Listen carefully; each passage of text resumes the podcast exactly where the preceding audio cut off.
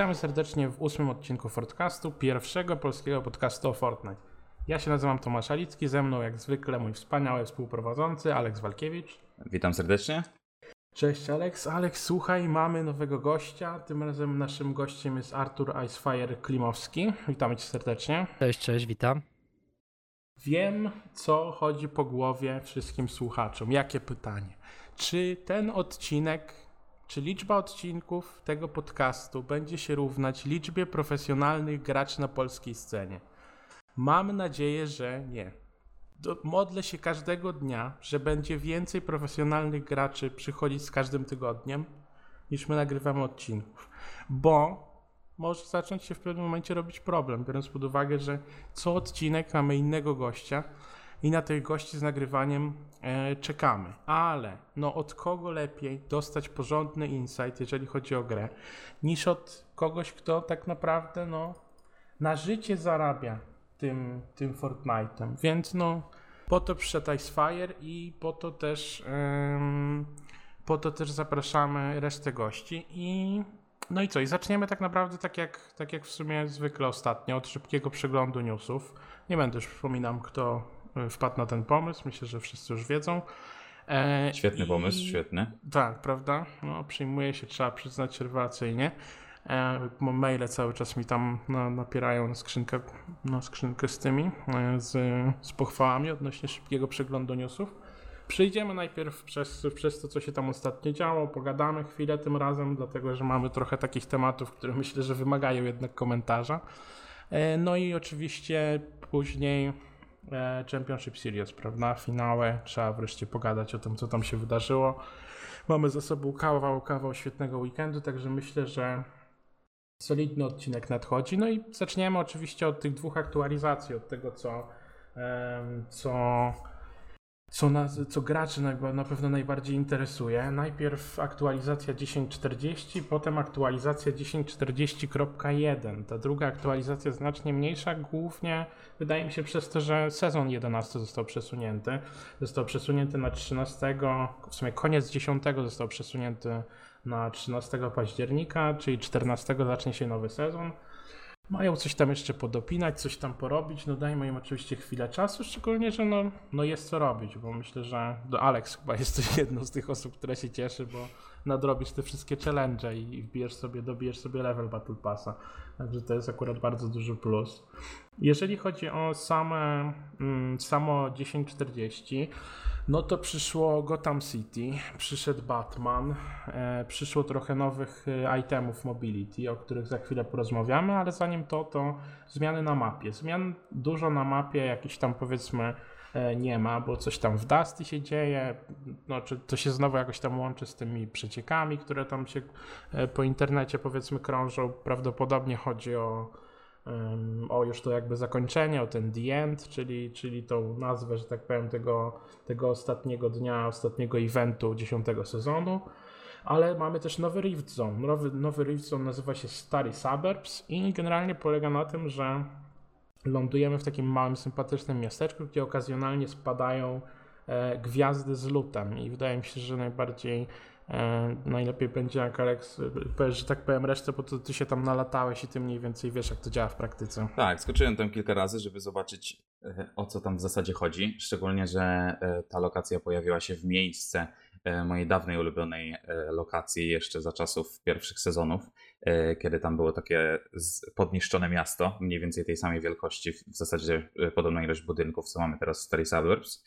E, I bardzo podoba mi się ten Drift Zone. To jest to, czego e, w zasadzie oczekiwałbym od Drift Zone'ów, e, tak żeby nie zmieniały bardzo rozgrywki, ale jednak w jakiś ciekawy sposób urozmaicały może to miejsce, gdzie lutujemy. I mimo właśnie tego, że mamy tam tylko kilka budynków, to te gwiazdki jednak urozmaicają ten lód i sprawiają, że trochę tych złotych broni możemy dostać.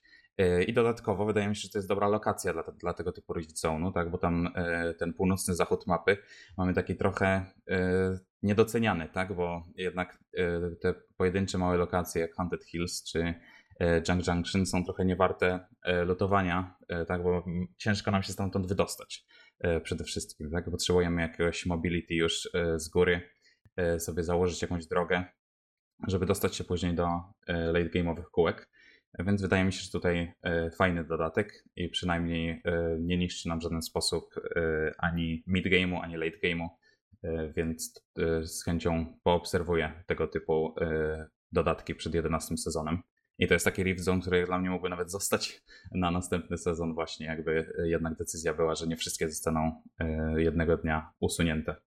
A no właśnie, wspomniałeś o mobility i tutaj jestem ciekawy właśnie co powie Icefire, bo ostatnio trochę, e, trochę nam tego mobility, że tak powiem, doszło. Zanwoltowali Bouncera, mamy, mamy właśnie ten cały glider, który też, też jest no bardzo, bardzo mocno, biorąc pod uwagę zasięg tego, tego nowego nowego przedmiotu. Jak się, jak się teraz Icefire zapatrujesz na ten temat mobility? Bo to był dosyć taki kontrowersyjny temat, jak wychodził dziesiąty sezon. Mm, powiem tak, mobility jakie było wcześniej na mapie, czyli bardzo duża ilość jego przez te wszystkie wiry, te trąby powietrzne. Tak. To, to uważam, że wnosiło bardzo pozytywny oddźwięk na rozgrywkę profesjonalną. Bo, no nie oszukujmy się, to czy nam siądzie zone, czy nie siądzie, to wpływa bardzo na nasz plan rozgrywki. I może to być raz po drugiej stronie mapy, drugi raz też, ale jeśli jakby się to powtórzy na przykład 3-4 razy, to stawia nas w dużo gorszej pozycji, grając z tymi samymi osobami, które miały akurat tego zona tego 4 razy pod rząd. I wtedy rozgrywka była całkiem, wydaje mi się, wyrównana, bo pomimo tego jakby nieszczęścia, jakie jest spowodowane, że brak zonu, to i tak się bardzo szybko znajdowaliśmy. No i w pewnym momencie wyłączyli to wszystko i w... zaczął się bardzo ciężki czas, bo tego momentu było bardzo mało. Dlatego wydaje mi się, że też szukają tutaj takiego jakiegoś balansu, dlatego próbują coraz więcej dawać tutaj mobility nam. To sądzę o Banserze i tym grapplerze. Banser wydaje mi się w porządku, jest fajnym movementem, który jakby nie jest zbyt dobry, i nie jest zły. Jest taki właśnie idealny takiego, jak, jako taki movement neutralny. Grappler zaś uważam, że jest bardzo mocny, ale jako, że nie jest mm, ofensywny, że tak powiem, jak inne rzeczy, jak tego typu impuls na przykład, to uważam nadal, że jest dobry, bo movement, który nie szkodzi innym, jedynie przeprowadza cię na drugą część mapy, jest jak dla mnie najbardziej w porządku. No jedyne, jedyne zarzuty, jakie widziałem ostatnio na Twitterze odnośnie tego grapplera, to jest to, że ludzie twierdzili, że jakby nie, nie będzie się dało utrzymać high groundu w endgame'ie z tym grapplerem. Że po prostu jest jakby na tyle łatwo um, po prostu wziąć i podlecieć, że tak powiem, do góry i skontestować ten high ground, że jakby to, to już nie będzie aż taka mm, aż taka przewaga, więc jakby pod tym kątem to się wydaje, w sensie w, tym, w tej konkretnej sytuacji to się wydaje jednak trochę ofensywne. Yy, powiem tak szczerze z własnego doświadczenia, jak był stary hmm. grappler, to bym. To, co powiedziałeś, było idealne, bo to byłoby zbyt OP. Jakby na przykład na trio czy na składach trzy osoby, albo już nawet dwie osoby by weszły na ten high ground tymi grapplerami, to by zrobiły straszne zamieszanie. Ale jako, że ten grappler ma e, automatyczną lotnię od razu po mhm. jego użyciu, która po pierwsze nie może być zamknięta, po drugie leci bardzo wolno, to uważam, że nie jest aż takim dużym zagrożeniem. Z doświadczenia wiem, że no nie ma takiego momentu na high gdzie będąc, że nie wiesz co się dzieje, tylko cały czas wszystko kontrolujesz, trzy osoby ze sobą mówią. Na solo jakby też ten high ground jest mniejszy, przez co masz mniejsze pole do przypilnowania i ten sposób nie da się odbić high grounda, jeśli bardzo dobrze ktoś go przypilnuje. Takie jest moje zdanie. Bo inna jest sprawa na przykład z impulsami, bo impulsy jednak wybiją się po prostu i nie można tego zatrzymać. A taki grappler, on jednak dla takich profesjonalnych graczy ma zbyt duży czas użycia, moim zdaniem. Że zanim właśnie wylądujemy, zanim wyskoczymy i tą lotnią nawet wylądujemy, to są te takie sekundy, które przeważają na tym, że dostaniemy obrażenia z pompy, może nas ktoś postawić nam trapa, może nas zaboksować i po prostu iść wyżej. Więc wydaje mi się, że ciężko podpiąć go pod ofensywę, dlatego uważam go za zbalansowany po prostu item. Okay. No to w sumie tym lepiej tak naprawdę.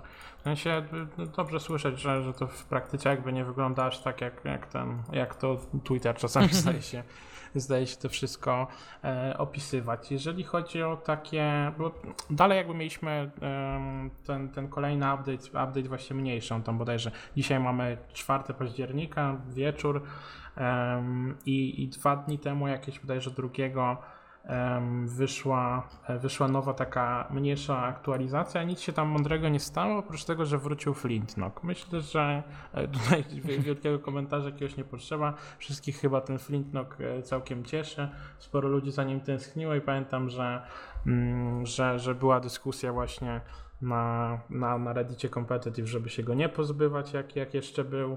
E, do tego wyszła jakby informacja, że od 8 października ruszają te out of time challenges, czyli 8-13, 13 do samego końca sezonu. Będą te, mm, będą te standardowe challenge. Będzie jeszcze trochę czasu, żeby ponadrabiać sobie ten Battle Pass, także jak macie jeszcze coś tam do zrobienia, no to, to trzeba się powoli szykować na tego, no w takim razie na tego ósmego. E, sporo się też będzie zmieniać właśnie z nowym sezonem. Zaczynamy dostawać takie, e, że tak powiem, teasery małe tego, co, co tam się będzie działo. E, I jedną z tych rzeczy jest w sumie dwie takie duże rzeczy do tej pory się pojawiły. Jedna z nich jest w grze, druga jeszcze, e, jeszcze drugiej jeszcze w tej grze nie ma. Pierwsza rzecz to jest skill-based matchmaking, czyli w, to, to, ten temat oczywiście dotyczy wyłącznie gier tych publicznych, czyli tych jakby zwykłych, że tak powiem, nie jakichś tam aren czy turnamentów czy takich rzeczy. Um, no, rozumie się to, że tak powiem, samo przez siebie. Po prostu mm, jest, jest jakieś tam ukryte MMR, e, tak jak w niektórych innych grach typu, typu LOL, typu jakieś takie rzeczy. E, ten system po prostu ocenia e, wasz, wasz poziom zaawansowania w tym Fortnite i po prostu wrzuca was w to samo w, w lobby jakby z graczami na podobnym poziomie. Jedynym zarzutem do tej pory, jeżeli chodzi o, o ten e, skill-based matchmaking, było to, że, że zaczęło to wiązać, jakby łączyć ze sobą ludzi e, na kontrolerach i na, na tych, na telefonach. Także ludzie mobilni na, na mobilkach się spotykali z jakimiś tam pecetowcami miejscami. Było oczywiście trochę jakichś tam, jakichś tam dramatów i kontrowersji, zresztą to oczywiście słusznie, ale z tego co widzę już tam e, wczoraj e, Epic zaadresowało cały ten problem, powiedzieli, że jakby ich założeniem i zamiarem jest to, żeby e, żeby ten jakby matchmaking był jak najbardziej sprawiedliwy, żeby dostarczyć takie doświadczenie graczom. I i powiedzieli, że będą, e, będą również jakby peryferia te brać pod uwagę, jeżeli chodzi o dalszy matchmaking. Czy mamy panowie jakieś przemyślenia odnośnie tego matchmakingu, czy możemy przechodzić do tego gorętszego tematu? No ja osobiście uważam, że to raczej takie fajne zmiany, dobrze z tym coś robią, ale też chyba nie ma co się nad tym rozwodzić jakoś specjalnie. Bardzo mi się podoba to podejście. A co z botami w takim razie? Bo bot to jest ten temat, który jest, y, jest, jest jeszcze nie, nie jest prowadzony. On ma się pojawić razem z nowym sezonem, e, czyli e, w połowie października, tak jak wspominałem, boty. Na początku dowiedzieliśmy się tylko, że będą boty. I oczywiście Trochę ludzi się pośmiało, trochę ludzi zaczęło narzekać, tak jak zwykle, e, trochę ludzi całkowicie temat zignorowało. Większość e, osób brała pod uwagę ten scenariusz z jakichś tam gier mobilnych. W PUBG Mobile na przykład była słynna taka sytuacja, gdzie ludzie wchodzili do tego PUBG Mobile, e, wygrywali pierwszą swoją grę z 17 kilami, wrzucali do internetu screeny, że generalnie zaczynają profesjonalną karierę, a potem się okazywało, że tak w sumie no to grali na boty i że pierwszych tych kilka gier faktycznie jest, no jest na boty. W Call of Duty Mobile teraz jest tak podobnie. No i jakimś tam, e, że tak powiem, um, jakimś e, tam podobieństwem w Fortnite właśnie w tym do tych gier mobilnych mają być, ma być właśnie to wprowadzenie botów. Teraz zaczynam się dowiadywać trochę, dosłownie jest informacja tam bodajże z wczoraj, e, z, z nowego blogpostu, który się pojawił na, na, na stronie Epic tej oficjalnej. Zaczynam się dowiadywać trochę bardziej jak to, e, jak to będzie działać. Między innymi to oczywiście, że te boty nie będą e, nie będą mogły wchodzić do jakichś tam pojazdów, że nie będzie można z nimi wchodzić do party, że jak wejdziemy w jakiegoś tam fila w składach, to nie znajdziemy tych botów ze sobą, że nie będzie botów w creative i e, że zastanawiają się nad jakimś trybem wyłącznie jakby przeciwko botom, żeby odkryć sobie tą mapę, żeby um, potrenować przeciwko tym takim, prze, przeciwko jakby tej sztucznej inteligencji. No ostatecznie ma być to sposób na po prostu na, na jakby rozwój dla tych mniej doświadczonych graczy. Bo no wiadomo jak to jest. Mamy niejednokrotnie już o tym rozmawialiśmy i też prywatnie z Aleksem bardzo często o tym, o tym rozmawiamy za każdym razem jak włączam Fortnite'a i zdaję sobie sprawę, że generalnie właśnie ograł mnie jakiś siedmiolatek.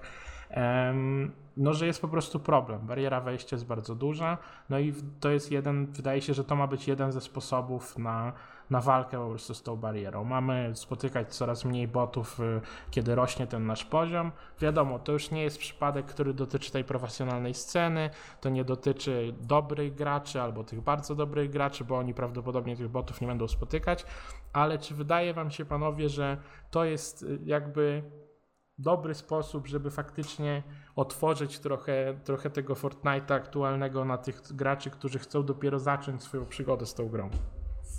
Prawdę mówiąc, uważam to za mega fajny krok, no bo nie oszukujmy się, ciężko ma taki gracz, który zaczyna grę i chciałby ją poznać, mhm. w takiej grze jak Battle Royale typu Fortnite, no bo tutaj ten skill cap jakby jest dosyć duży i gracze z doświadczeniem bardzo dominują nad tymi właśnie graczami takimi początkującymi, a każdy powinien mieć jakby swój czas na naukę, dlatego takie boty mogłyby idealnie się w to wpasować.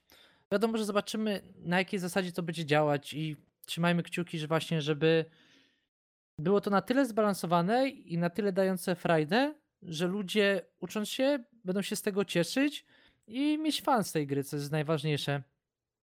Alex, powiedz mi coś, czego nie wiem rozmawialiśmy nieraz w zasadzie właśnie o tym, e, tak jak mm. Artur powiedział, o ciężkiej barierze wejścia, o tym, że niektórzy gracze już tacy naprawdę casualowi, e, tak mieli problem, żeby czuć się komfortowo w tym Fortnite, bo gra stała tak popularna, także poziom średni można powiedzieć, tak jest dużo wyższy e, niż w niektórych tytułach też dość popularnych i niektórzy mogli się demotywować, tak? Właśnie, żeby kontynuować przygodę, czy żeby w ogóle y, robić misję z samego Battle Passa i sobie casualowo pograć weekendami. Y, więc jeżeli to zostanie dobrze zaimplementowane i rzeczywiście właśnie y, dość szybko będziesz w stanie przestać grać z tymi botami, jeżeli uczysz się i stajesz się coraz lepszy, to może to być naprawdę, naprawdę dobry dodatek moim zdaniem. Szczególnie, że tutaj w ogóle są rozmowy, na razie oczywiście w formie takich tylko teaserów, że tam a, zastanowimy się, albo będziemy nad tym pracować, albo myślimy, e, bierzemy to pod uwagę, jeżeli chodzi o przyszłość, ale e, można, po, po, podobno myślą o tym, żeby zacząć e, trenować te boty, jeżeli chodzi o właśnie robienie jakichś tam 90s, czy jakichś takich rzeczy, jeżeli by faktycznie zaimplementować takie, takie bardziej zaawansowane powiedzmy mechaniki do tych, do tych botów, to, to, to no ja oczywiście się z wami zgadzam. No, dla mnie to jest bardzo, bardzo dobry pomysł i bardzo mi, w sensie cieszę się, że, że, że biorą pod uwagę po prostu też tych, te osoby, które, które mogą dopiero zaczynać jakby mm, te, te swoją przygodę z Fortnite'em, no bo oni mimo wszystko, szczególnie właśnie biorąc pod uwagę jak, jak wysoki jest teraz ten skill ceiling, tak jak słusznie mówicie, no mogą mieć problemy. A ewidentnie i skill-based e, matchmaking i te boty to jest, e, to jest coś jakby dedykowanego właśnie tym mniej doświadczonym graczom. E, odchodząc od tematu tych mniej doświadczonych graczy, no to taki szybka jakby mm, informacja prosto właśnie z tego FNCS jeszcze mm, z finałów. No stało się to, czego się powiedzmy obawialiśmy trochę albo może niektórzy mieli nadzieję, że to się wydarzy. E, mianowicie 11 sezon e, Fortnite Championship Series zostanie rozegrany w składach. No i myślę, że tutaj możemy z czystym sumieniem oddać głos Icefire'owi. Co o tym sądzisz? Powiem tak, jestem świadom tego, że te składy będą się różniły bardzo, ale to bardzo od tych takich z tych pierwszych sezonów, gdzie wtedy te turnieje składów dominowały tylko wyglądają całkiem inaczej. Dlatego ciekawi mnie bardzo odsłona składów w tym wydaniu, jaki mamy na teraz Fortnite'a.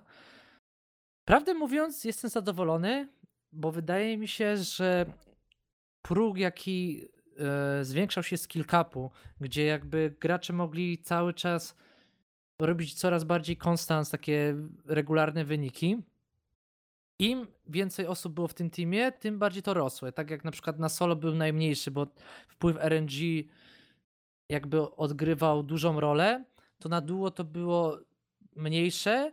Na trio uważam, że już prawie zanikało.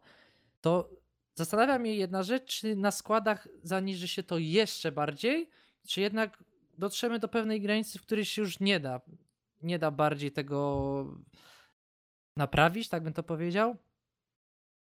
Jestem do... A. Mhm. No, E, Jestem dobrej myśli. Zobaczymy, jak to będzie. Ciężko wyobrazić sobie składy w takiej formie, jak są teraz, bo trio jednak troszeczkę jest różnicą, gdzie jedna osoba może panować jeszcze nad dwoma kolejnymi, ale w składzie no to troszeczkę zamieszanie. Ta gra jest bardziej dynamiczna niż kiedyś. Dużo więcej się dzieje, dużo szybciej się dzieje, dużo trzeba decyzji jakby podejmować, jak mamy ruszane strefy, gdzie wcześniej tego nie Mhm. było na składach, co jest teraz będzie takim, wydaje mi się, hardcorem na scenie profesjonalnej. No, tak jak mówisz, e, dużo się dzieje, tak? I właśnie e, już w trio słychać to przy niektórych e, zespołach, także tej komunikacji jest tak dużo, że czasami się nawzajem nie słyszą, tak? I jeżeli będą teraz cztery osoby w takim samym składzie, na przykład u Mongrala, tak to pytanie, czy oni będą w stanie rozumieć, tak, siebie nawzajem, czy będą wiedzieć, gdzie są wszyscy pozostali koledzy i czy to nie wprowadzi zbytniego chaosu, czy ten, czy ten trio to nie był taki złoty środek, bo ja takie mam wstępne wrażenie na pewno.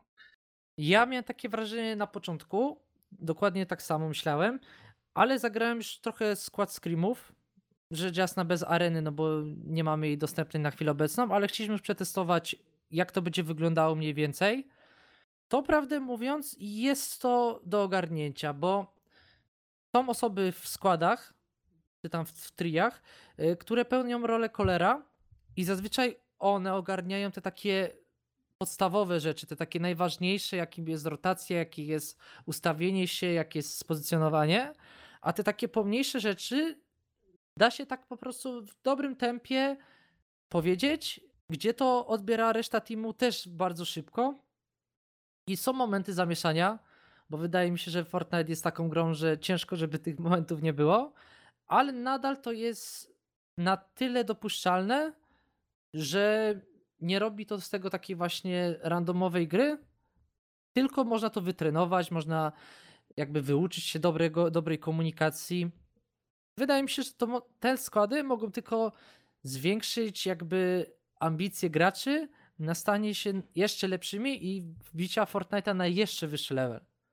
No i poza tym, moim zdaniem przynajmniej, będzie to o tyle ciekawe, że teraz z kolei dochodzą właśnie takie, takie aspekty, które widać, wszyscy myślę znają dobrze z CS-a, albo które ja też e, często widuję w przypadku Call of Duty, takich osób na przykład, które, sensie kwestia po prostu uzupełniania się tych poszczególnych członków, właśnie to co mówicie o rolach, to co mówicie o chaosie, jest bardzo dużo takich graczy, czy w kodzie, czy w CS-ie, którzy po prostu na przykład potrzebują tych dodatkowych osób, e, potrzebują jakby tych call-outów, potrzebują kogoś, kto, e, kto jakby się komunikuje i po prostu w, takich, w takim środowisku, że tak powiem, po prostu grają najlepiej i oni sami nie mówią zbyt dużo, oni sami nie kolautują jakieś tony, to- tony rzeczy, ale powiedzmy z tymi informacjami, które, e, które są im gdzieś tam podrzucane przez, przez ich teammateów, jakby czują się na tyle komfortowo, że są w stanie jakby e, wykorzystać ten, ten powiedzmy pełny swój potencjał albo te, e, wykorzystać te swoje jakieś tam mechaniczne umiejętności. Ja jestem ciekawy. Boję się oczywiście o Spectate, jak zwykle, boję się o realizację, to jest moje główne zmartwienie, jeżeli chodzi o, o całego tego Fortnite'a. Biorąc jeszcze pod uwagę, jak wyglądają trio, jak wszystko to lagowało, jak często było chaotyczne, to wydaje mi się, że ze składami może być tylko gorzej, jeżeli, jeżeli Epic nie planuje z tym e, zrobić niczego. No ale oczywiście też jestem dobrej myśli. Bardzo czekam, jak to, jak to się wszystko wydarzy, szczególnie, że no właśnie, że przechodząc do końcówki już tego przeglądu newsów, jest już kilka składów, które, które zostały ogłoszone. Oczywiście dużo z nich zostało ogłoszonych, ale jest kilka takich, na które myślę e, sporo, sporo z nas e, czekało. Jest nowy e, skład Mongrala. Mongral będzie grał z Benjim, Stompim i Aquą. E, oczywiście wszyscy, wszyscy zaczęli komentować, e, gdzie, jest, gdzie jest Mitro i co się z nim stało i tak dalej. Mongral tam dopisał, że nie ma, nie ma między nimi jakiś, jakiegoś tam konfliktu, że, że tak powiem rozstali się w dobrych jakichś tam warunkach i, jakby nie, nie było to, ten, ten rozpad ich, e, ich duo tego słynnego nie był spowodowany jakimiś tam konfliktami czy czymkolwiek. E, przynajmniej tak, tak to wyglądało po samym Twitterze. Luki też ogłosił swój, swój skład. Wcześniej grali oczywiście ze Smilem i Arturem, o czym, o czym będziemy jeszcze rozmawiać na pewno przy okazji Championship Series i do nich dołączył z kolei Advice, kolejny polski free agent. No i ogłosił też swoje, mm, swój skład e, dosłownie stosunkowo niedawno. E, ogłosił, e, a, 3 godziny temu dosłownie, to ja też ładnie trafiłem. Savage. Savage będzie grał z Tohajem Chinkenem i Bela Iu, także też wszyscy, wszyscy dobrze znani gracze. No Savage znowu się tam już chyba tweetował niedługo po tym, e, po tym ogłoszeniu na, podczas transmisji, że będzie szukał towarzystwa. No i trzeba przyznać, że towarzystwo znalazł naprawdę, naprawdę solidne. Icefire, możesz się pochwalić? Wiesz już z kim będziesz grał dokładnie, czy jeszcze jakaś tajemnica? E, nie chciałbym zdradzać jeszcze.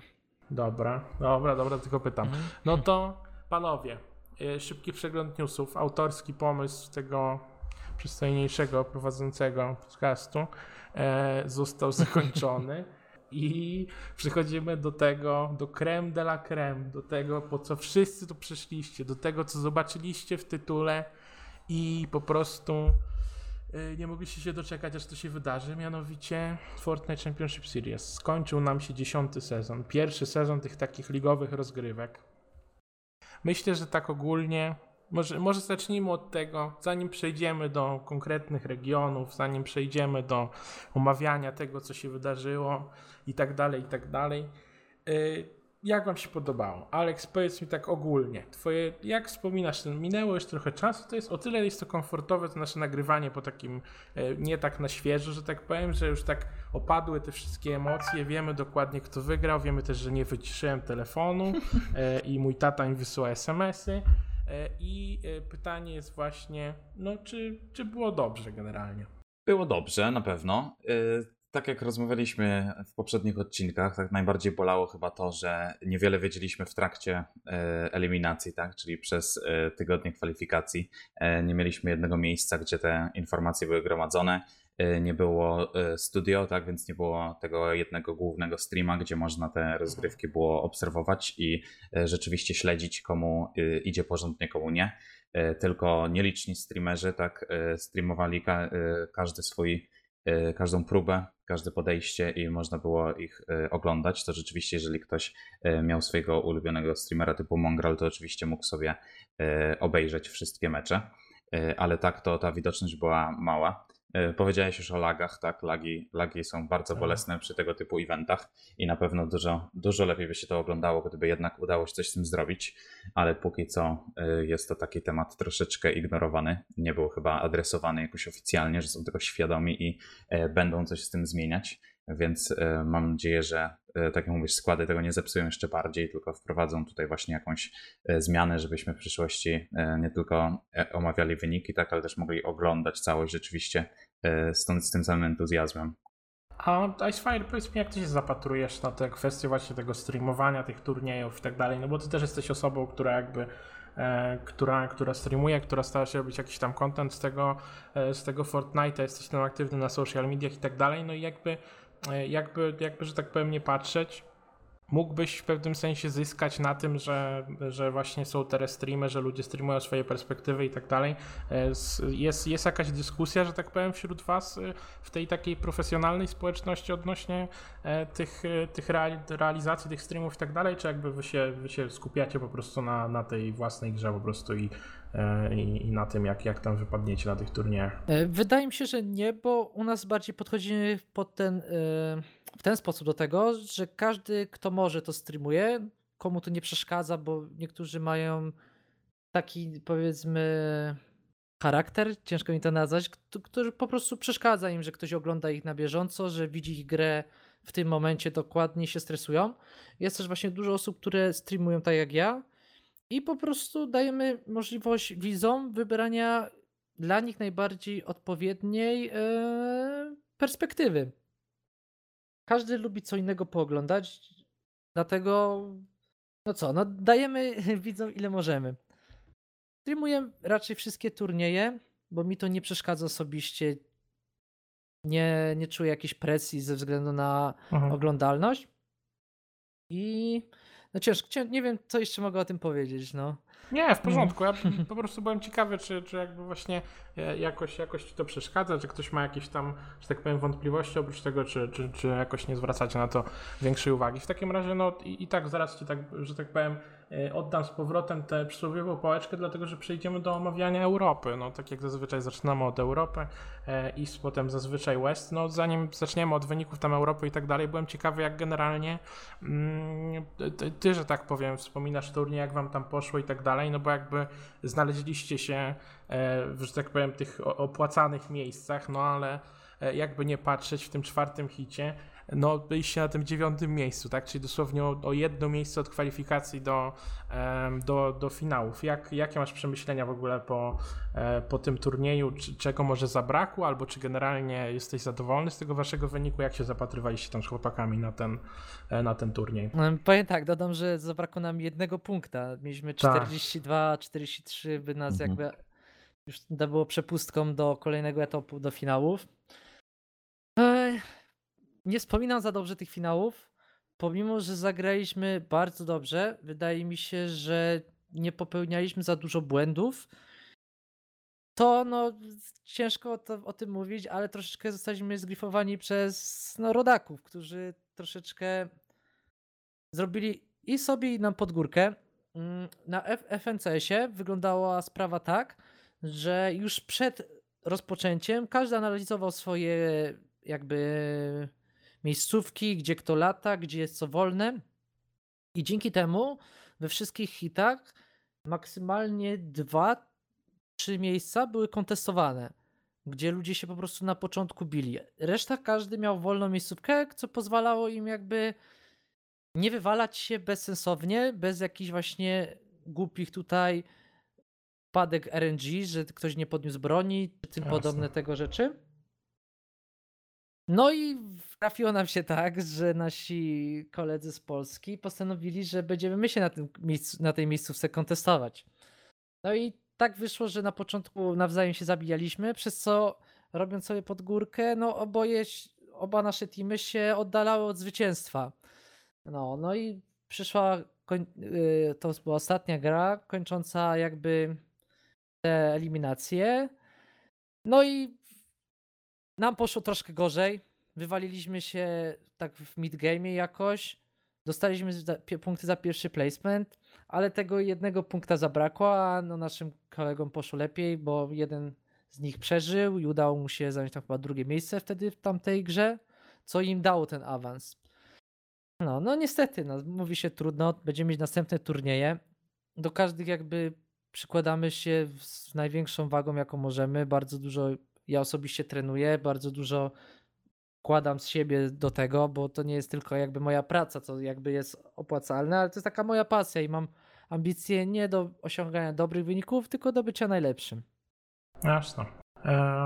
No dobra, no co, co, co, mogę powiedzieć? Generalnie Europa, e, tak, było, no tak naprawdę każdy region miał jakieś swoje niespodzianki, mniejsze bądź większe. Wydaje mi się, że East miał te największe, ale Europa też doczekała się jakichś tam, e, jakichś tam swoich niespodzianek. W samych e, kwalifikacjach, jeżeli jakby ktoś e, tam powiedzmy nie, nie oglądał, albo nie wie jak to działało, albo może już w ogóle nie pamiętał, to sytuacja wyglądała tak, że podzielili każdy z tych regionów. Rozgrywaliśmy oczywiście mecze regionami, tak, czyli każdy, każdy region miał swoje finały, swoich, swoich czempionów i um, każdy ten region był podzielony na cztery hity.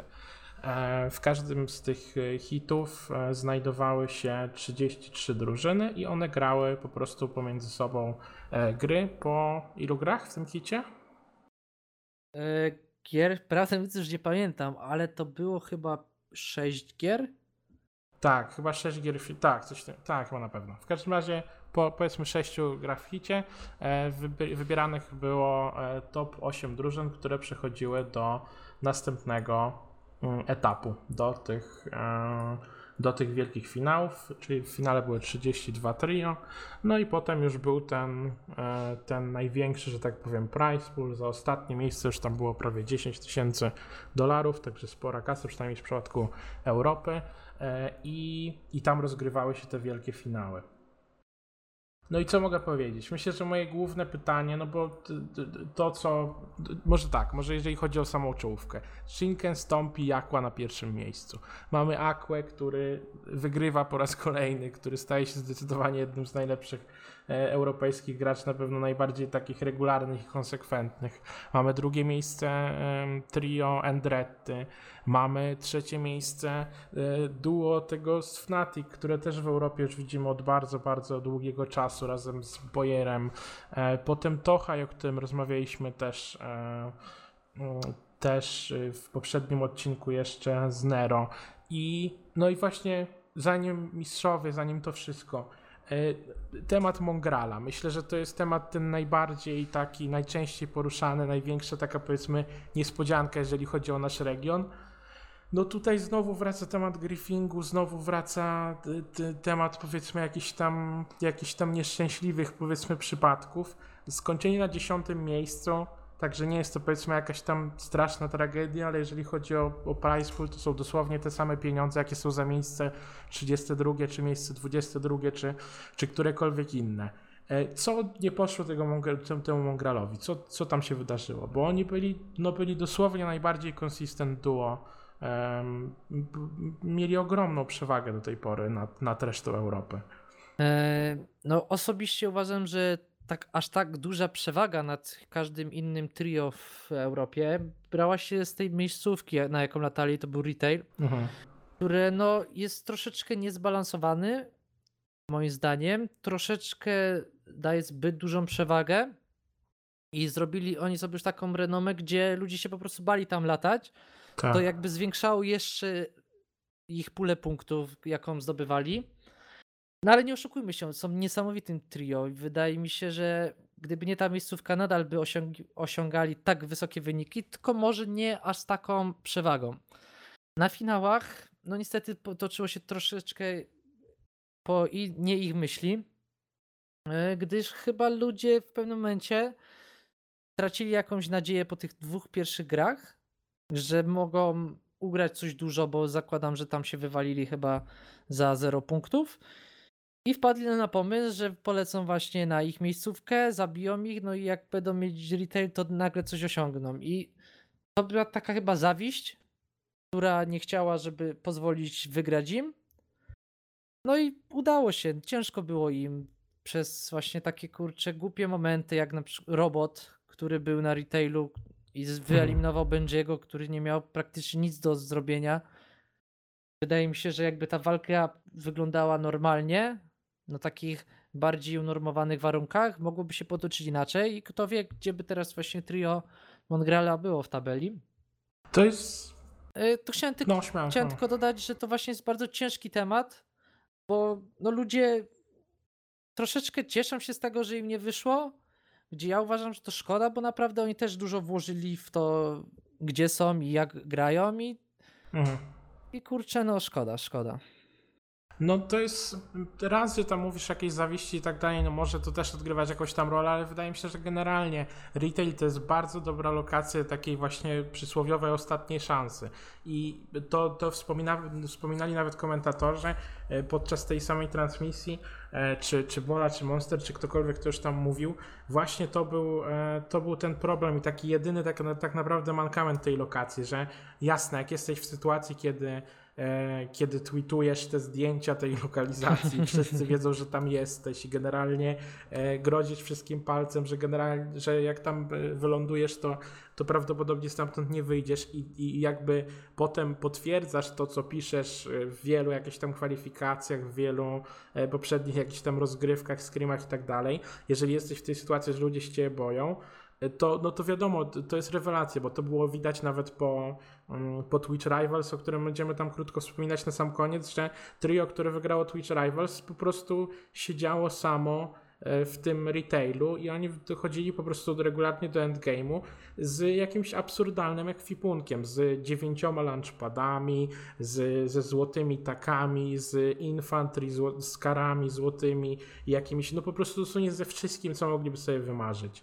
E, I jak jesteś tam sam i nie masz jakby większej jakiejś konkurencji, nie ma tego elementu RNG właśnie, o którym rozmawiamy w kontekście jakiegoś tam wspólnego lądowania z kimś i tak dalej, i tak dalej, to faktycznie jest super, ale jeżeli ktoś właśnie nie ma już nic do stracenia, szczególnie, że tu naprawdę nie ma nic do stracenia, bo tak jak mówię, od ósmego, od dziewiątego miejsca do miejsca 32 e, w tych wielkich finałach był dosłownie, była dosłownie ta sama kwota. Czyli mogłeś wyżej, wyżej być w placementie, wrzucić sobie w to bio na Twitterze top, czy top 9, czy top 10, czy 11 um, finałów FNCS europejskich, czy cokolwiek, ale kasa była cały czas ta sama. Czyli jeżeli masz jakby wizję tego, że może polecisz, może zagrasz jedną solidną grę, E, uda ci się zabić faktycznie tego Benjiego, tak jak niektórym się faktycznie udało. Może trochę dostaniesz, e, będzie ci sprzyjać szczęście, zgarniesz jakiś kosmiczny ekwipunek, no i jak nie wygrasz tej gry, to, ona cię, to, to część tego ekwipunku może mimo wszystko cię ponieść przez, e, przez niektóre te mm, przez niektóre te ruszane strefy, więc no no, było to ryzyko. Wydaje mi się, że panowie sobie musieli zdawać z tego sprawę i no i niestety nie wyszło to tak jak E, tak jak powinno. Do tego, e, jak, do tego tak no, jak no, no. mówicie, tak, retail jest no, ewidentnie najlepszą lokacją teraz w Fortnite tak. i w tak. zasadzie jest też najlepszą lokacją w historii Fortnite, można powiedzieć, tak, bo Tilted nigdy nie było w e, takim stanie, jakim teraz jest retail i nigdy nie miał takiej przewagi lutu, więc moim zdaniem nie można nazwać griefingiem tak, tego, że ktoś e, właśnie po przegranej pierwszej grze spróbuje polecieć na tą najlepszą lokację, żeby rzeczywiście mieć szansę z, z wystrzelić w jednej grze, tak jak nieraz właśnie trio Mongrala wystrzeliwywało, jak dostawali po 4 złote bronie i late game robili mhm. z 15 kilami, tak? No bo właśnie w ten sposób e, można jedną grą, tak jak mówisz, e, zapewnić sobie e, rozgłos i pieniądze, bo skoczysz na ten retail, skoczysz na tą najlepszą lokację, uda ci się raz ich zabić i rzeczywiście jesteś w stanie coś ugrać, tak? No moim zdaniem to nie jest griefing, gdyby skakali na jakąś mniejszą lokację, wiadomo, że można wtedy to podciągnąć, tak? Po taką złośliwość, ale skażą na największą, najlepszą lokację, która ewidentnie nie jest dla jednego teamu, E, tak? Nawet jak to już wejdą składy, to retail na tym etapie, jak jest teraz, jest jak dla mnie na 2-3 e, teamy i gdyby teoretycznie tak byli pasywni względem siebie, to starczyłoby dla wszystkich lutu absolutnie.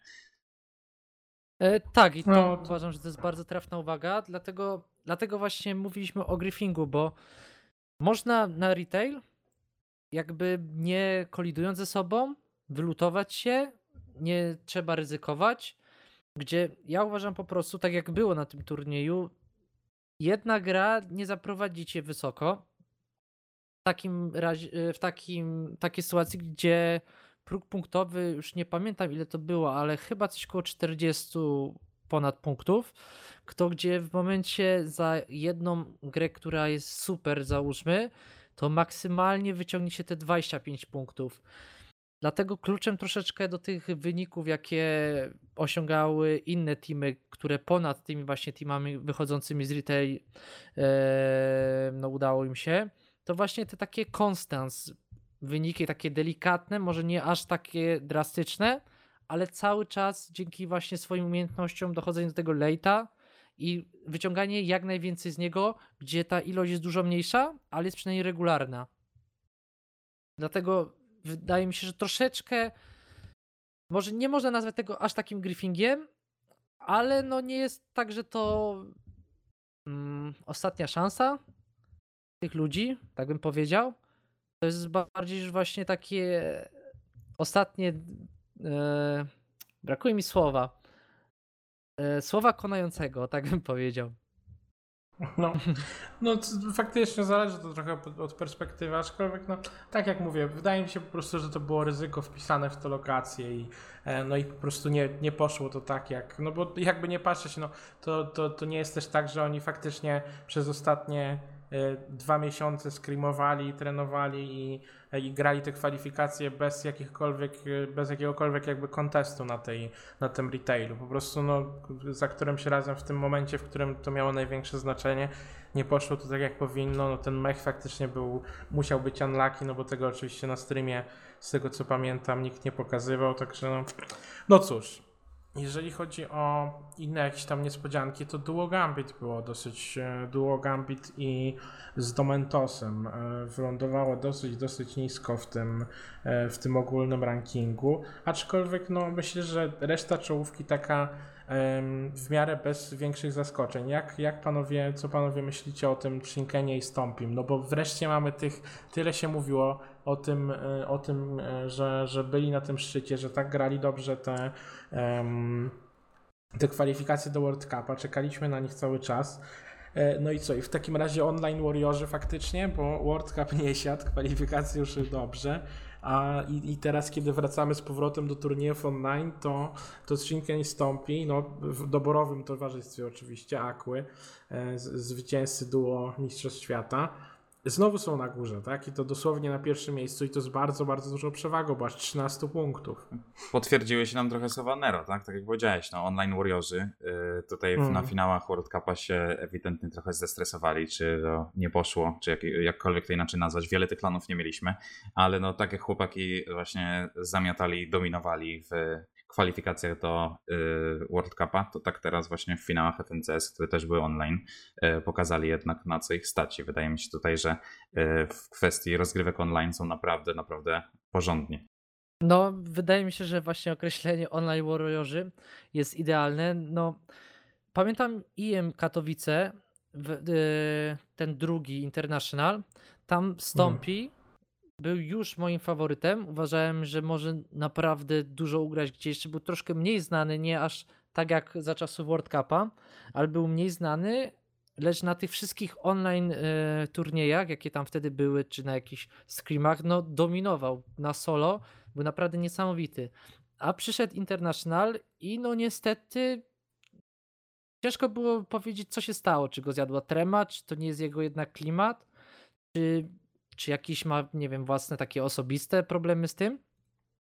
Na World Cupie jedynie w finałach World Cupa to chyba potwierdził, no ale pokazał na Trion, że jeśli chodzi o turnieje online, no to nie ma sobie równych i potrafi pokazać, kto tutaj jest na pierwszym miejscu zdecydowanie.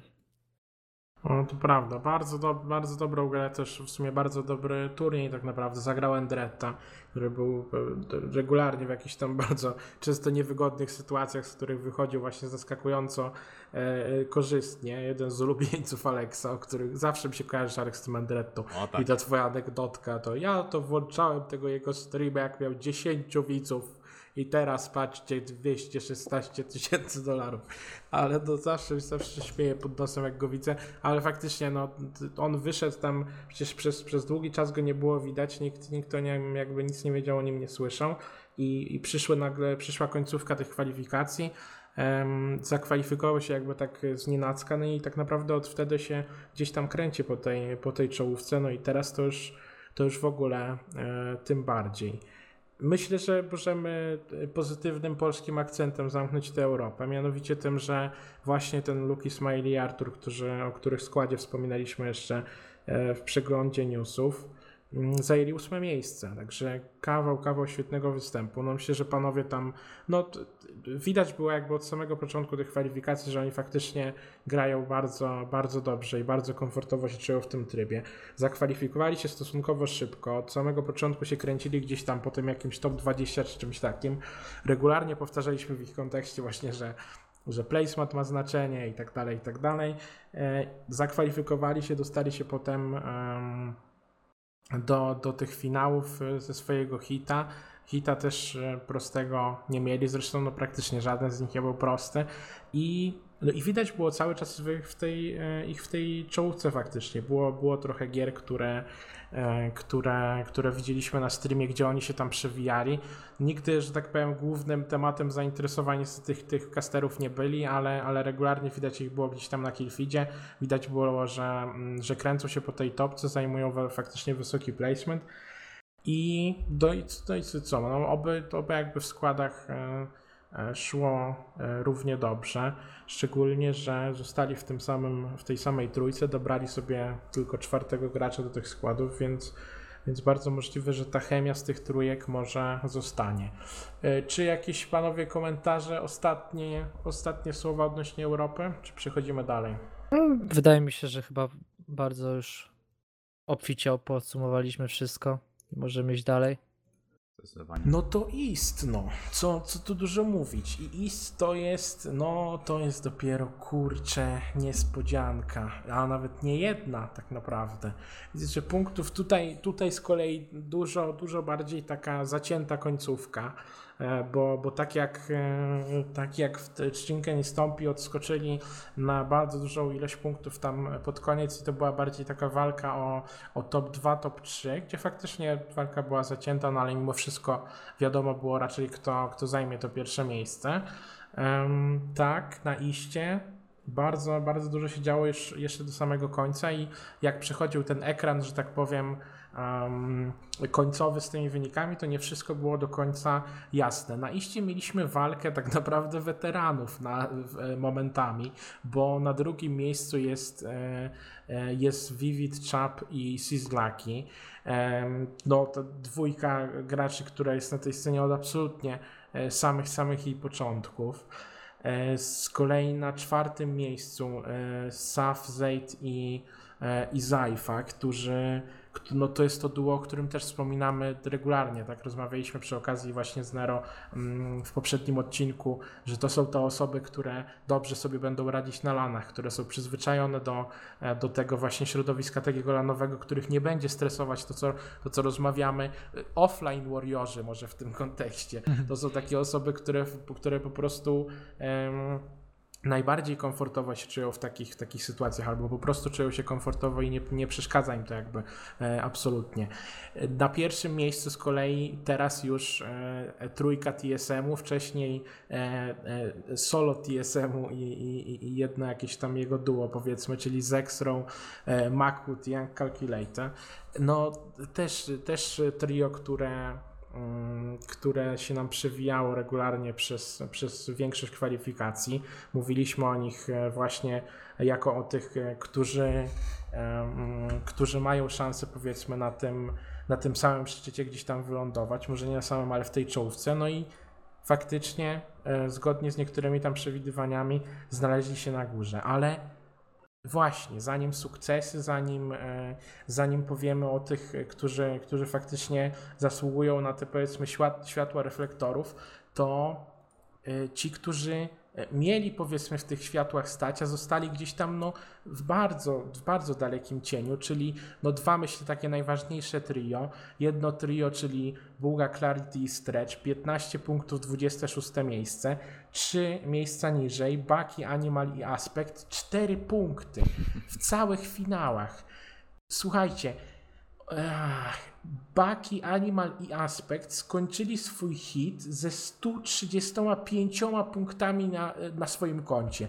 Mieli dwa razy więcej, mieli dosłownie, prawie dosłownie, dwa razy więcej punktów od Vivida, Chapa i Sizlakiego, którzy w tym samym hicie e, za, zajęli drugie miejsce i potem zajęli E, zajęli drugie miejsce w finałach, e, w, w, już samych finałach całego regionu. Co, co, tam się w ogóle zadziało? W sensie, czy ktoś ma jakieś racjonalne wytłumaczenie tego, dlaczego ja ich widzę na tak niskich pozycjach? No to jest, to jest dla mnie absolutnie nieprawdopodobne. Ja osobiście uważam, że chyba jedyne wytłumaczenie, jakie można by tutaj podpiąć, to złe nastawienie może, gdy nie poszła pewnie pierwsza gra, nie poszła druga gra, wydaje mi się, że gdzieś już tam było takie bardzo duże zwątpienie, może tutaj jakieś kłótnie powstały.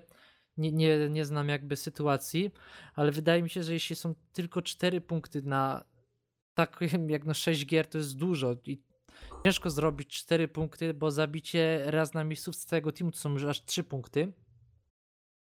Wydaje mi się, że no, no coś, coś musiało później tak, no musiał być ewidentnie gorszy dzień ktoś, kto tak sobie radzi regularnie bardzo dobrze, no żeby pokazał tak zły występ. Wydaje mi się, że musiało być po prostu bardzo dużo czynników na to. Ciężko, ciężko mi określić, bo nie znam sytuacji, ale no też jestem troszeczkę zawiedziony właśnie i no żałuję, żałuję, że poszło im aż tak źle. No szczególnie, że właśnie, w sensie o tyle jestem w stanie zrozumieć to zwątpienie, albo jakby uwierzyć w to zwątpienie bardziej, że ta pamiętam jedna z nielicznych gier, no bo wiadomo jak to jest. Większość e, tej akcji na początku e, na streamach to jest jakieś tam oglądanie lutowania, jakieś komentarze, kastery sobie gadają o jakichś anegdotkach i tak dalej. Bardzo mało widać tam akcji, rzadko kiedy widzieliśmy, kiedy oni giną i rzadko kiedy widzieliśmy jakieś takie bezpośrednie interakcje, także ciężko powiedzieć, czy, e, czy oni ginęli po prostu za to właśnie przysłowiowe zero. No musiało im się to zdarzyć co najmniej, co najmniej kilka razy, biorąc pod uwagę, że skończyli z czterema punktami. To, jest, to, jest, to są co najmniej dwie gry, kiedy oni nie zdobyli w ogóle żadnego punktu. To jest, to jest całkowity jakby e, absurd. Widać było w tej ostatniej grze, to była ta, ta jedyna gra, gdzie oni wydaje mi się zdobyli, mm, może nie zdobyli punktu, ale wyszli, do, wyszli z tej swojej, e, z tej swojej lokacji i, i zaczęli gdzieś tam walczyć. Siedzieli na tym nowym Tilted, już nawet nie pamiętam z którym trio, ale wyglądało to właśnie dosłownie tak jakby E, jakby już jakby wiedzieli, że, że, że już donikąd to, że tak powiem, zmierza. E, I, i, po, prostu, po prostu poginęli. W sensie, no, ginęli, zginęli po prostu w taki absolutnie darmowy sposób, jak na, mm, jak na właśnie to, co mówię, jak na oczekiwania, jakie wobec nich były, jak na e, jakby jakościowe trio, jakim, jakim są, no ja też jestem bardzo, bardzo zawiedziony. Szczególnie też, że jakby ciężko, ciężko jest cokolwiek wywnioskować z ich social mediów, no bo na przykład tak jak Buga tweetował, że jakby no nie zasługiwał na, nie zasługiwaliśmy na zwycięstwo, zagraliśmy bardzo źle, mam nadzieję, że następnym razem będzie lepiej i tak dalej, tak no większość tych social mediów, tych, e, tych graczy jest zwyczajnie pusta. E, no i no właśnie, Aleks, jak ty, jak ty widzisz te, te istowe niespodzianki? Co ty o tym myślisz? Tak jak mówisz, no ze 135 punktów na 4 to nie jest coś, co widzimy e, na co dzień. E, no i mo może można tutaj e, z przekąsem powiedzieć, że chłopaki się trochę wystrzelali. Kule się skończyły, no. tak, bo rzeczywiście zdominowali po prostu tego hita. No ale tak jak już omówiliśmy w przypadku chyba innych trio, tak, no nie, nie zawsze musi wszystko pójść w ich stronę i nie każdy hit czy turniej będzie wyglądał tak samo. No i tutaj w finałach już ewidentnie dla nich nie wyglądało to tak samo ale za to, y, tak, dla niektórych y, zaskoczenie bardzo pozytywne, tak, ja się bardzo cieszę, że tak jak powiedziałeś, y, Chapi Vivid, wreszcie widzimy ich na górze. I hmm. też Symphony, tak, w top 10, dziewiąte miejsce tak, z Reversem zajęli. I to są takie niki, które myślę, że nie, nie jedna osoba tutaj nieraz oglądała na streamach, tak, a e, to są niki, których nie widujemy w topkach turniejów jednak, tak, nie, e, nie, niezbyt ich możemy w tym top 10 oglądać competitive. I to na pewno wielu fanów to bardzo, bardzo pozytywnie zaskoczyło, więc myślę, że oprócz tych jednak zawodów, to też było bardzo, bardzo dużo pozytywnych niespodzianek i z tego względu mnie ten jest bardziej pozytywnie niż negatywnie zaskoczył. No, w sumie też coś w tym jest. Oni sobie faktycznie zbudowali, kurczę, czasy Vivida. Pamiętam, jak Vivid się kwalifikował do World Cupa, e, to, to, to połowa Twittera gdzieś tam trzymała kciuki, że e, żeby faktycznie się udało, żeby ugrał gdzieś tam te ostatnie punkty, które są mu potrzebne.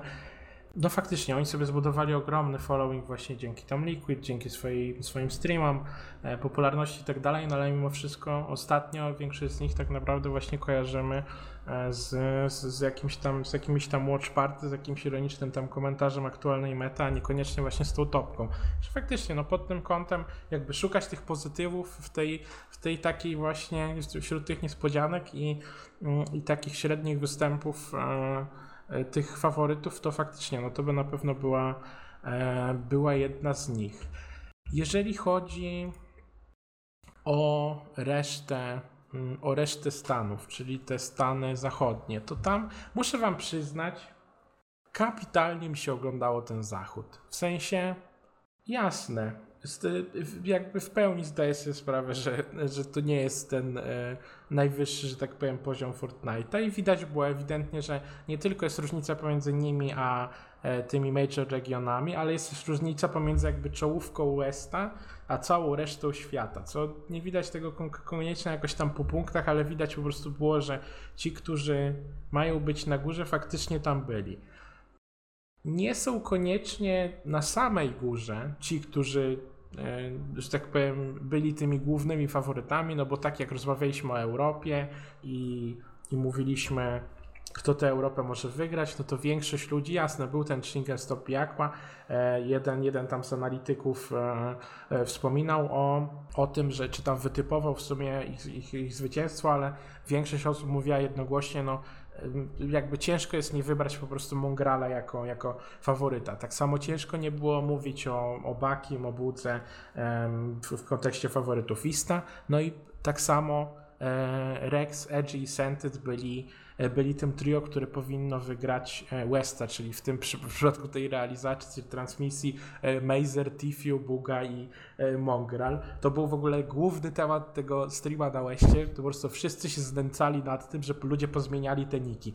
I faktycznie to, to nie były jedyne osoby, które pozmieniały te niki. Niektórzy zmieniali niki dosłownie na te, na te sensie grały dwa, y, jedno chyba trio grało z dwoma identycznymi nikami bodajże i nie wiadomo było kto jest kim. No, jest to absolutnie głupie i, i jakby rozumiem ich irytację, aczkolwiek no co to, co się śmiałem podczas tych, e, tych, tych tej, tej realizacji. Już wystarczy, kurczę, że ten jakiś Zig i inny monster mają problemy z kastowaniem normalnych gier, żeby oni jeszcze nie wiedzieli, kto jest kim, to już utrudniać takim ludziom robotę, to już jest w ogóle to jest kłody, e, kłody pod nogi, to, jest, to, to nie jest w tym przypadku dobry pomysł. No ale właśnie, e, zacząłem mówić o wynikach i w sumie wypadałoby, żebym wreszcie przez nie przeszedł.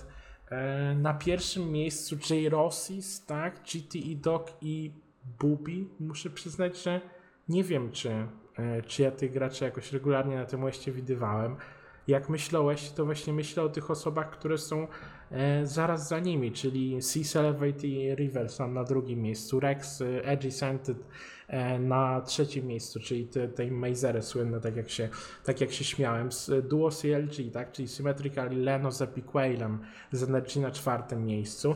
No i potem a, potem jeszcze oczywiście Herion, z tego, e, tego też kojarzymy, duo Parallel też się przewija czasami przez tego Westa, ale generalnie um, generalnie gracze, którzy, e, ci, którzy byli na górze, powiedzmy, powinni mniej więcej tam być. Panowie, kończę monolog, jak wam się tu West podobał i co, co generalnie, jak się zapatrujecie na całe wyniki tego regionu? Prawdę mówiąc, to ja za bardzo nie e, oglądałem tutaj tych finałów. Bardziej się skupiłem właśnie na iście i na Europie, bo jakby nie miałem też czasu tak for fun oglądać tych wszystkich innych regionów, co zakładam, że mogło być ciekawe, tylko bardziej właśnie podpatrzyłem po takim profesjonalnym kątem, tutaj jakieś analizy, tutaj sprawdzałem co, jak i gdzie kto się popisał, gdzie jakie błędy.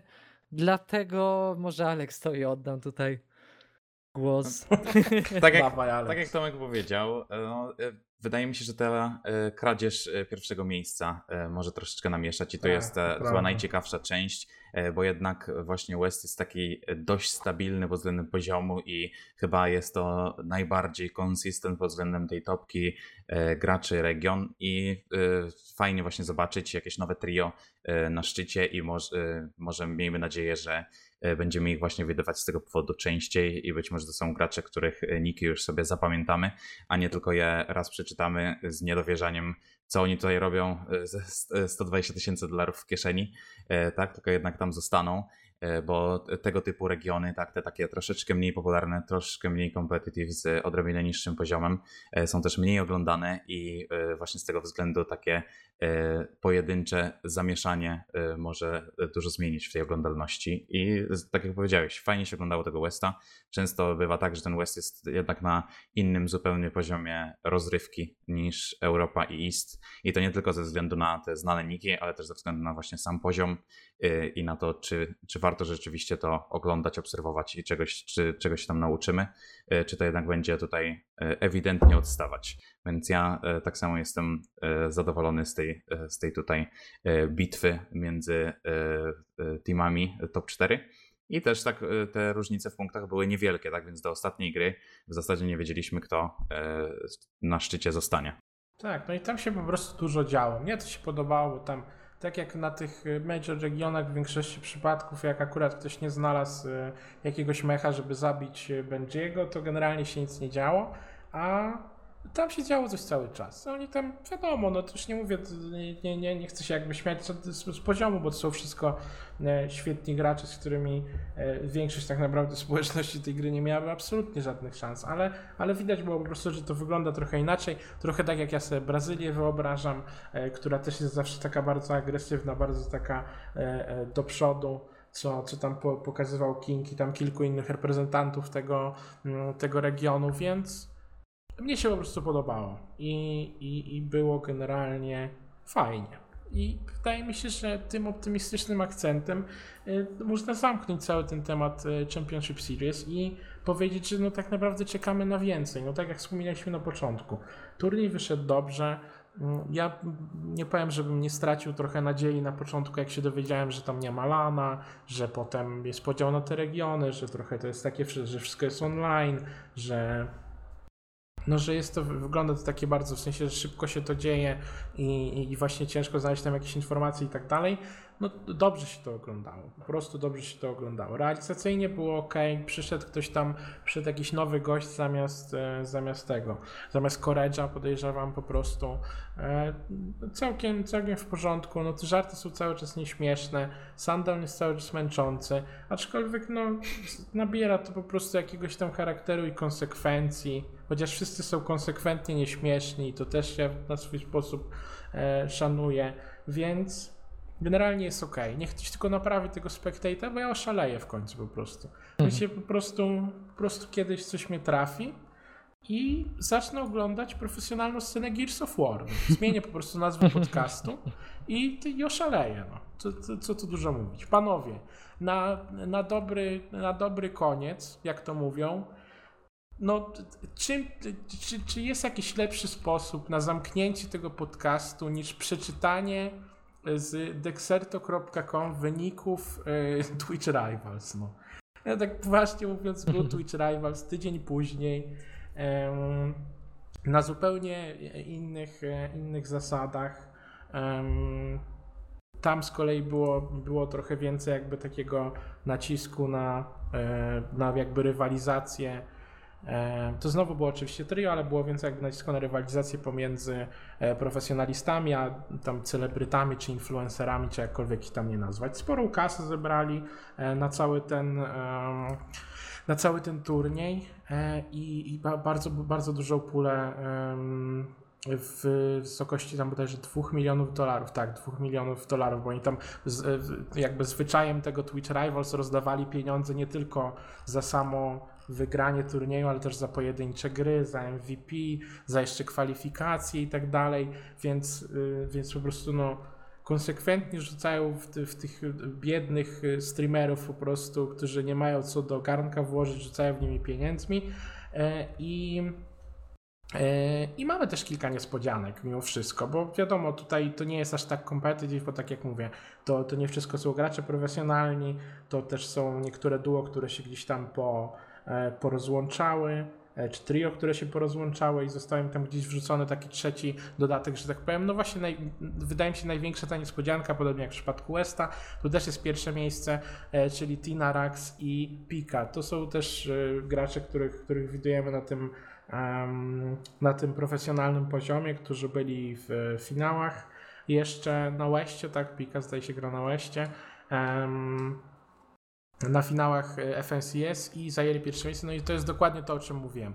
Oni po prostu wygrywali retail. Za, dosłownie każda gra to było wygrywanie retaila i to już nawet nie chodziło o to, że, um, że oni zajmowali tak wysoki placement, tylko oni mieli 22 eliminacje e, w, w, samej tej finałowej rundzie, e, którą zagrali, dostali jeszcze za to dodatkowe jakieś tam nagrody. Tina dostała MVP, za samego tego turnieju, więc generalnie no, no cuda się działy. Niżej z kolei Dubs Mega z Ajo, był Savage na czwartym miejscu, też z Rocho i Kingiem Richardem.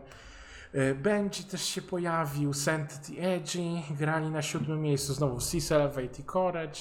Generalnie sporo, no, no tutaj duże miałem nadzieję względem z kolei mm, Zexroa, Slapiego i Makuda. No, aż tak to nie siadło, zajęli 15 miejsce w tych finałach. Aczkolwiek, no myślę, ktoś to oglądał w ogóle, czy ja mówię do siebie, panowie? E, E. powiem tak, ja, ja oglądałem urywki, bo O. prawdę mówiąc podobało mi się, taki fajny klimacik. Ja strasznie lubię sposób, w jaki turnieje Fortnite'a są właśnie e, prowadzone. Taki właśnie pozytywny, troszkę bawiący, zawsze tutaj coś ciekawego się może wydarzyć i takie właśnie osoby mniej znane, jak y, ten właśnie Rax, yy, no kurczę, fajnie, że się pokazały, bo kojarzę go z, z ex-sceny Lola. On jest ex-graczem, już z tego co pamiętam ma 24 lata na koncie.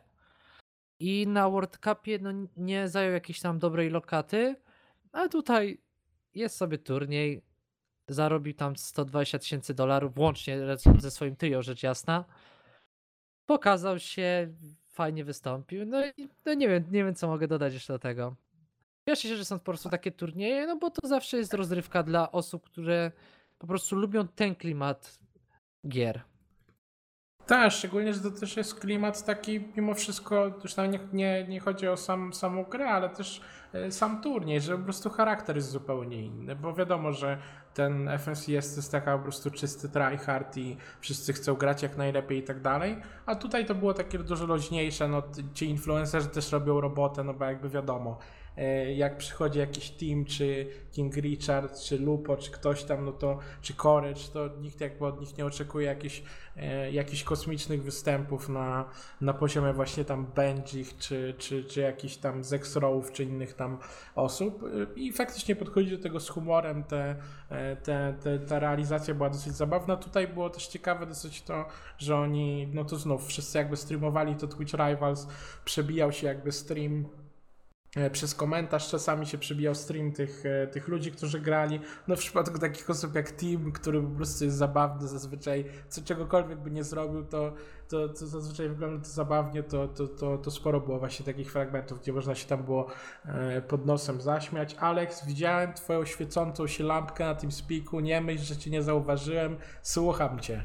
Tak, ja chciałem wspomnieć tylko, e, że ciekawym elementem e, tutaj było dobieranie drużyn, tak? Czyli, że Tak. e, mamy jednak ten jedną, dwie osoby bardzo znane competitive osoby i zwykle trzecia lub nawet czasem dwie osoby content creatorzy, co sprawiało tak, że nie mamy chyba w zasadzie żadnego teamu, który e, gra ze sobą w takim trio e, competitive i tak jak na przykład mamy Stretcha, Clarity, tak, to, no bugi tutaj im nie pozwolili jako trzeciego Tak, wrzucić. Takie nie mieliśmy takiego jednego teamu, który powinien to wszystko wygrać, tak? Czy rzeczywiście by odstawał, czy tak jak tam Airwax, tak, raz wygrał tego typu turniej tam Proama, tak, to mówił, jakie to było proste, no bo rzeczywiście tak, gdybyśmy mieli tutaj jeden taki pełne trio, to mogliby bardzo zdominować i trochę zepsuć ten experience tak, e, takiego e, zabawnego show, tak? I tutaj bardzo fajny moim zdaniem e, ten element pomieszania tych zawodników z content creatorami w taki sposób, żeby ta rozgrywka była i zabawna, i odrobinę competitive, i jednak, żeby dało się to oglądać i jestem bardzo zadowolony generalnie z transmisji samej. Alex, e, powiedziałeś tyle mądrych rzeczy w przeciągu ostatniej pół minuty, że aż mnie boli głowa od kiwania głową. Widzisz, widzisz? To było naprawdę niesamowite. W sensie, no po prostu zastanowię się, czy sobie tego nie, nie zapisać w Wordzie, wydrukować na przykład. Ja mam puste ściany w ogóle w mieszkaniu i właśnie się tak zastanawiam, co z tym zrobić. I może to jest jakiś sposób na zagospodarowanie przestrzeni, no. Żeby sobie twoje cytaty na ścianie wieszać. I to, Polecam był serdecznie, już nie jedna osoba to zrobiła i myślę, że nie pożałowała, więc Ja widzę, ty też jakieś maile dostajesz od tych słuchaczy. Dobra, e, kończymy ten podcast, no co tu dużo mówić. Pogadaliśmy o wszystkim, o czym się dało. Nie mam już nic do dodania absolutnie. Szalek zaczyna jakoś mądrze mówić, także to już jest w ogóle e, Nowość. definitywnie moment, żeby tak, żeby to skończyć. E, Co mogę powiedzieć? Icefire, powiedz nam, co robisz e, ostatnio, gdzie streamujesz i, i, i co robisz oprócz trenowania non-stop składów? Oprócz trenowania nosu składów trenuję także solo, więc raczej to No. wygląda tak moje życie aktualnie. No streamuję na Twitchu i Cefirę FN. Mm. E, raczej poświęcam całe swoje właśnie życie aktualnie sportowi, bo mega wiąże z tym przyszłość. Za niedługo ruszam z własną, że tak powiem, taką szkółką, trenującą właśnie nowych i zaawansowanych graczy jako koler i, że tak powiem, osoba gamesensowa. Zobaczymy, jak to wyjdzie. Jest me mega dużo chętnych i mega się cieszą moi widzowie właśnie, że z czymś takim ruszyłem, że nadaje się. Mam nadzieję, że ich słowa faktycznie są szczere i faktycznie się nadaje. Już kiedyś prowadziłem właśnie szkółkę pewną, tylko to była jakby stacjonarna i mega się cieszyłem, bo lubię właśnie tego typu rzeczy, a teraz mam, że tak powiem, zaszczyt sam poprowadzić coś takiego online. No. A możesz powiedzieć już coś więcej trochę o tym? W sensie na jakiej zasadzie to będzie wyglądać? Czy to będzie jak na zasadzie tego coachingu online, jakby jak jest w niektórych innych grach? Czy... E, tak, e... właśnie na takiej zasadzie to planuję. Planuję to, żeby wyglądało tak jak mamy powtórki teraz z turniej, co jest właśnie idealną sprawą, mogę przeanalizować, jakie kto popełnia błędy, mogę wywnioskować, jak najlepiej będzie poprawić te błędy. Dam pewne rady, które na przyszłość pomogą właśnie z, z różnymi takimi rzeczami, na które osoby niezaawansowane w Fortnite albo nawet zaawansowane często nie zwracają uwagi, gdzie dzięki nim właśnie robi się ten próg najlepszych, a dobrych graczy. Często właśnie chodzi o różne pozycjonowanie, różne przygotowanie, podejście do komunikacji, podejście do treningów, skupianie się na czymś, skupianie się na czymś innym i w ten sposób właśnie chcę pomóc jakby ludziom w Polsce rozwijać się, bo wydaje mi się, że jest dużo osób, które są bardzo dobre na polskiej scenie. Mam na myśli mechanikę i ogólnie jakby granie, tylko właśnie brakuje Aha. im tego takiego e, spojrzenia bardziej, kurczę, nie wiem jak, nie wiem jak to powiedzieć, ale jakby takiego taktycznego? przemyślanego, taktycznego, o, mm. taktycznego będzie super bardzo, bardzo dobry pomysł moim zdaniem. I tutaj no, jest, to jest, to jest taki sektor, sektor rynku mo, mocno nienasycony, jak dla mnie, a szczególnie w Fortnite właśnie, jak pojawiły się te pierwsze y, artykuły o coachingu, o tym, że rodzice e, płacą, żeby dzieci stawały lepsze w, y, w Fortnite'a, to oczywiście dużo żartów w internecie było, ale moim zdaniem to jest bardzo y, ciekawy kierunek i takie, tak jak mówiłem, no, nienasycony jeszcze rynek do E, uczenia ludzi i żeby, e, tak jak mówisz, jeżeli ktoś jest dobry mechanicznie, to niekoniecznie musi e, rozumieć grę i widzieć ponadto, tak, i potrafić zaplanować następne kroki, a takie pojedyncze coachingi, czy właśnie dołączenie do szkółki lub znalezienie sobie jakiegoś trenera może to bardzo odmienić w życiu takiego młodego gracza szczególnie, tak, bo w Fortnite tutaj mamy zdecydowanie młodszych graczy niż w innych grach, którzy już sięgają po te pieniądze i po tę scenę competitive i ja to zawsze powtarzałem w CS-ie, tak, że właśnie y, połowa gry to w zasadzie jest poza tym aimem, poza tym movementem, y, tylko żeby podejmować dobre decyzje, nie, nie robić głupich błędów. I tego ludzie się powinni uczyć i powinni to trenować również, więc moim zdaniem super pomysł. I tak liczę, jest. że ci się uda. Dziękuję bardzo. I chciałem tylko dodać, że właśnie ja na własnym przykładzie zrozumiałem to, jak wiele człowiek może się nauczyć i jak wiele nasza niewiedza śmiewa jakby tego Fortnite'a, gdzie z takiego jakby tak płytko patrząc jest to gra tutaj budowanie, tutaj strzelanie, tutaj strefa.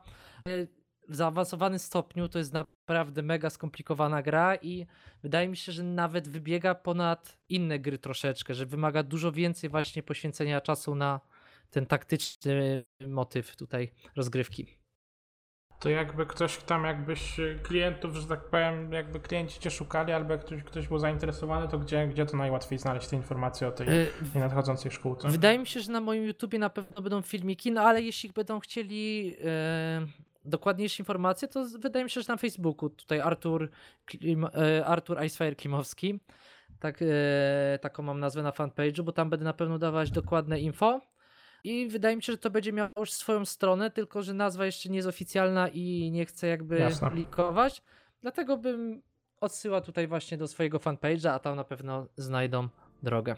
Jasne, jasne. Dobra, e, to ja mogę do tego dodać, że e, Facebook, Twitter, soundcloud.com slash forecastfn e, do tego iTunesik, do tego Spotify standardowo w recenzjach na iTunesie możecie na przykład w tym tygodniu, raczej w tym odcinku ostatnio, zaproponować gościa na przykład nowego. Jakbyście chcieli zobaczyć na przykład albo usłyszeć Krzysztofa Krawczyka w nowym odcinku, to proszę napisać pięciogwiazdkową recenzję i tam do tego komentarz. E, ja oddaję głos na Krzysztofa Krawczyka. Bo jak nikt na niego nie, od, do, nie odda głosu, to on się nie zgodzi tu przyjść. No. Także to jest, bo ja słyszałem, ostatnio pisałem do niego i on mówi, że panie, y, jedna recenzja na iTunesie pięciogwiazdkowa no co pan sobie myślisz? Ja siedzę dalej ten, śpiewam, czy co on tam teraz robi. Dobra, kończymy to. E, Artur, dziękujemy ci bardzo za, za przyjście. Mam nadzieję, że jeszcze raz wpadniesz któregoś razu z Krzysztofem. Z chęcią, z chęcią. Strasznie miło mi się tutaj prowadziło ten podcast. Dzie- No, dziękuję bardzo. też mojemu, właśnie, dziękuję też mojemu, dzięki bardzo e, Aleksowi Walkiewiczowi, współprowadzącemu. Aleks, fajnie, że wpadłeś po raz kolejny. Dzięki jeszcze raz w takim razie. I dziękujemy wszystkim słuchaczom, jak zwykle. Jak ktoś tu w ogóle jest wytrzymał do samego końca, to, to, to jeszcze, jeszcze większe. To podwójne pozdrowienia. E, dzięki. tak, dokładnie, podwójne pozdrowienia i, i w takim razie do usłyszenia w następnego odcinka.